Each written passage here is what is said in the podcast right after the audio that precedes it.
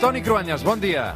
Bon dia des de Barcelona, Roger, perquè avui no, avui no podem anar gaire lluny, clar. No, avui no podem marxar gaire lluny. Això del confinament comarcal realment ens està marcant a tots molt una altra vegada, un altre cap de setmana, Toni. Sí, eh, home, la Setmana Santa i les setmanes prèvies ens havien donat una mica d'aire, però vaja, avui parlarem de les comarques, perquè, mira, aquests dies m'he adonat que una de les informacions més vistes al portal de notícies del 324.cat mm. és un mapa perquè la gent pugui veure quins són els límits de la seva comarca. O sigui, aquesta és una de les consultes que més gent ha fet. Això vol dir, no sé si vol dir que, que ben bé la gent no sap on delimita la seva comarca, no? Home, doncs nominalment suposo que tothom sap quina comarca és la seva, però fins on arriba el límit o quins pobles en formen part, doncs eh, potser no. Si aquest cap de setmana algú vol sortir a fer un tom, bueno, potser està bé doncs, saber fins on pot anar i on ja no. Sí, recordo que l'any passat, amb el confinament de, de, per regions sanitàries, eh, hi va haver també molta confusió. Clar, és que la decisió arbitrària de posar una frontera administrativa sempre, sempre és molt delicada. De fet, en part, la falta de consolidació de les comarques com a entitat territorial de pes té molt a veure eh, amb la nostra història. Doncs avui una lliçó d'història amb el Toni Cruanyes sobre les comarques. Perquè, Toni, les comarques eh, com a divisió no, no han existit sempre, no?, com a tal. No, al contrari, són relativament molt noves. Estan aprovades pel Parlament de Catalunya l'any 1987 i això no és res si ho comparem, per exemple, amb les províncies, que daten del 1833. A més, les províncies espanyoles tenen molt pressupost, les diputacions, amb poder polític, també hi havia abans els governadors civils, eh, per tant, històricament eren també una autoritat policial. En canvi, les comarques són fruit d'una llarga reivindicació política del catalanisme urbanisme, però tenen competències molt menors i s'han modificat, a més a més, els límits algunes vegades. Per exemple, eh, ja un any després de la seva aprovació, el 1988, es van crear tres comarques noves, el Pla de l'Estany, el Pla d'Urgell, l'Alta Ribagorça, i encara dos anys després es van modificar alguns dels límits i el 2015 es va afegir una comarca nova, el Moianès, llavors també aprovada pel Parlament. El projecte de llei de creació de la comarca del Moianès ha estat aprovat per 105 vots a favor. Aquesta és l'expresidenta Núria de Gispert, amb el Moianès actualment Catalunya té 41 comarques eh, i la Vall d'Aran que, que està reconeguda territorialment com a entitat nacional. A molts efectes és com si fos la comarca número 42, per tant, Toni. Sí, la Vall d'Aran té la seva singularitat reconeguda, diferenciada. Algunes comarques estan molt clares i tenen orígens que sí que venen de molt lluny. De fet, responen fins i tot a les tribus en què ja es dividien els poblats ibers. Els ceretans a la Cerdanya, els berguistans al Berguedà o els ausetans a Osona. Els romans van respectar aquesta mena de divisions dels pobladors autòctons, no? Per l'imperi romà tot Catalunya era considerada una província, gairebé com és ara, eh? amb la capital a Tarragona. I segons escriu l'historiador Plini el Vell, la tarraconense estava dividida per 42 civitates, que era com en deien a les demarcacions territorials. I dels romans en conservem encara denominacions com Gerundense, el gironès, o Segarranensis, la Segarra. Més tard van arribar les divisions per les seus episcopals.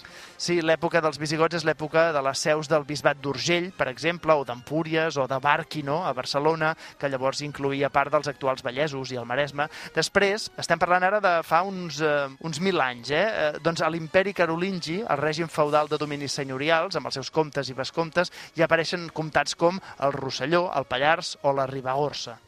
Dels comtats, Toni, van passar a les comarques. Si més no, el nom de comarca. La paraula comarca ve de marca, que vol dir frontera, igual que la marca hispànica ja s'havia utilitzat pels romans, els gots i els carolingis van començar a parlar de comarques. I la primera vegada que apareix ja de forma escrita el concepte de divisió del Principat de Catalunya en comarques és de l'any 1600. I ara ens remuntem al segle XVIII amb la Guerra de Successió, els comtats desapareixen i després arriben les províncies espanyoles.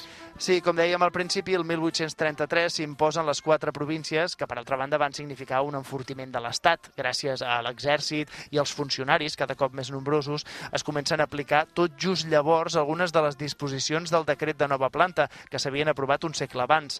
És una imitació del funcionament administratiu de, de la França de, de Napoleó. Eh, en molts aspectes és una modernització, però això sí, sí, es fa des de l'ordeno i mando dels governs i el rei de Madrid. Som, serem gent tant si es vol com si no es vol. I aquí arribem també al catalanisme polític, que sempre ha estat en contra de la imposició de les províncies.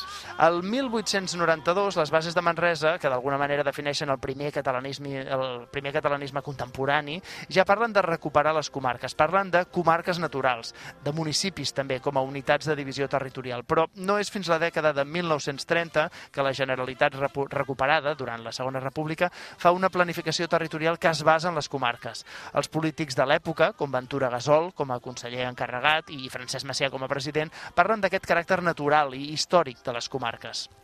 I aquí al mig hi apareix un geògraf que es deia Pau Vila, que va ser l'encarregat de dissenyar les comarques actuals amb, amb els criteris socials que coneixem, no? Sí, et veig bé aquí, Roger, eh? Com ho saps, això? Mira, tot això ho sé perquè jo vaig anar a l'Institut Pau Vila de Sabadell i, i per tant, el primer dia que vam entrar a l'Institut ens van explicar qui era aquest senyor. Clar, doncs mira, Pau Vila va fer una cosa molt interessant per distribuir les comarques. Van fer una enquesta a tots els ajuntaments i van preguntar a quina comarca creu que pertany al seu municipi i també a quin lloc van els ciutadans a mercat. I encara van calcular que des de tots els pobles de cada comarca es pogués anar i tornar en un sol dia a la capital de la comarca. En aquella època els desplaçaments es feien en carro, amb cavalls, clar, per tant feien els càlculs d'aquesta manera. Mm. O sigui que els límits actuals dels nostres confinaments comarcals estan decidits d'alguna manera per quan es trigava a moure's per la comarca en carro, no?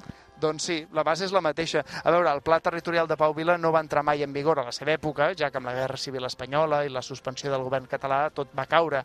No va ser fins després de la mort de Franco que llavors sí es va recuperar el mapa comarcal amb modificacions i encara es va completar amb l'Estatut del 2006, amb la recuperació de les vegueries, que de fet encara està pendent d'implementar-se. Eh? I això seria encara una altra administració supracomarcal. Amb tot això continuen en funcionament les diputacions per províncies, també hi ha les regions sanitàries, per exemple, exemple, o les partides judicials, que són més divisions encara del país. Jo he estat a tot arreu i ara ho veureu. He estat a tot arreu, he estat a tot arreu, m'he banyat en cales blanques i escalat muntanyes altes. Avui, Cruanyes, suposo que l'has sentit, aquesta cançó, eh? Home, a totes hores estem sentint. A tot arreu, a tot arreu l'hem sentit. Avui arribarem a les 9 amb una cançó que parla d'un home que coneix Catalunya de punta a punta, Josep Maria Espinàs. Aquesta és la cançó que li han dedicat als Valius. Toni Cruanyes, bon diumenge, fins la setmana que ve. Vinga, que vagi bé. I he anat caminant, he estat a tot arreu. El suplement, amb Roger Escapa.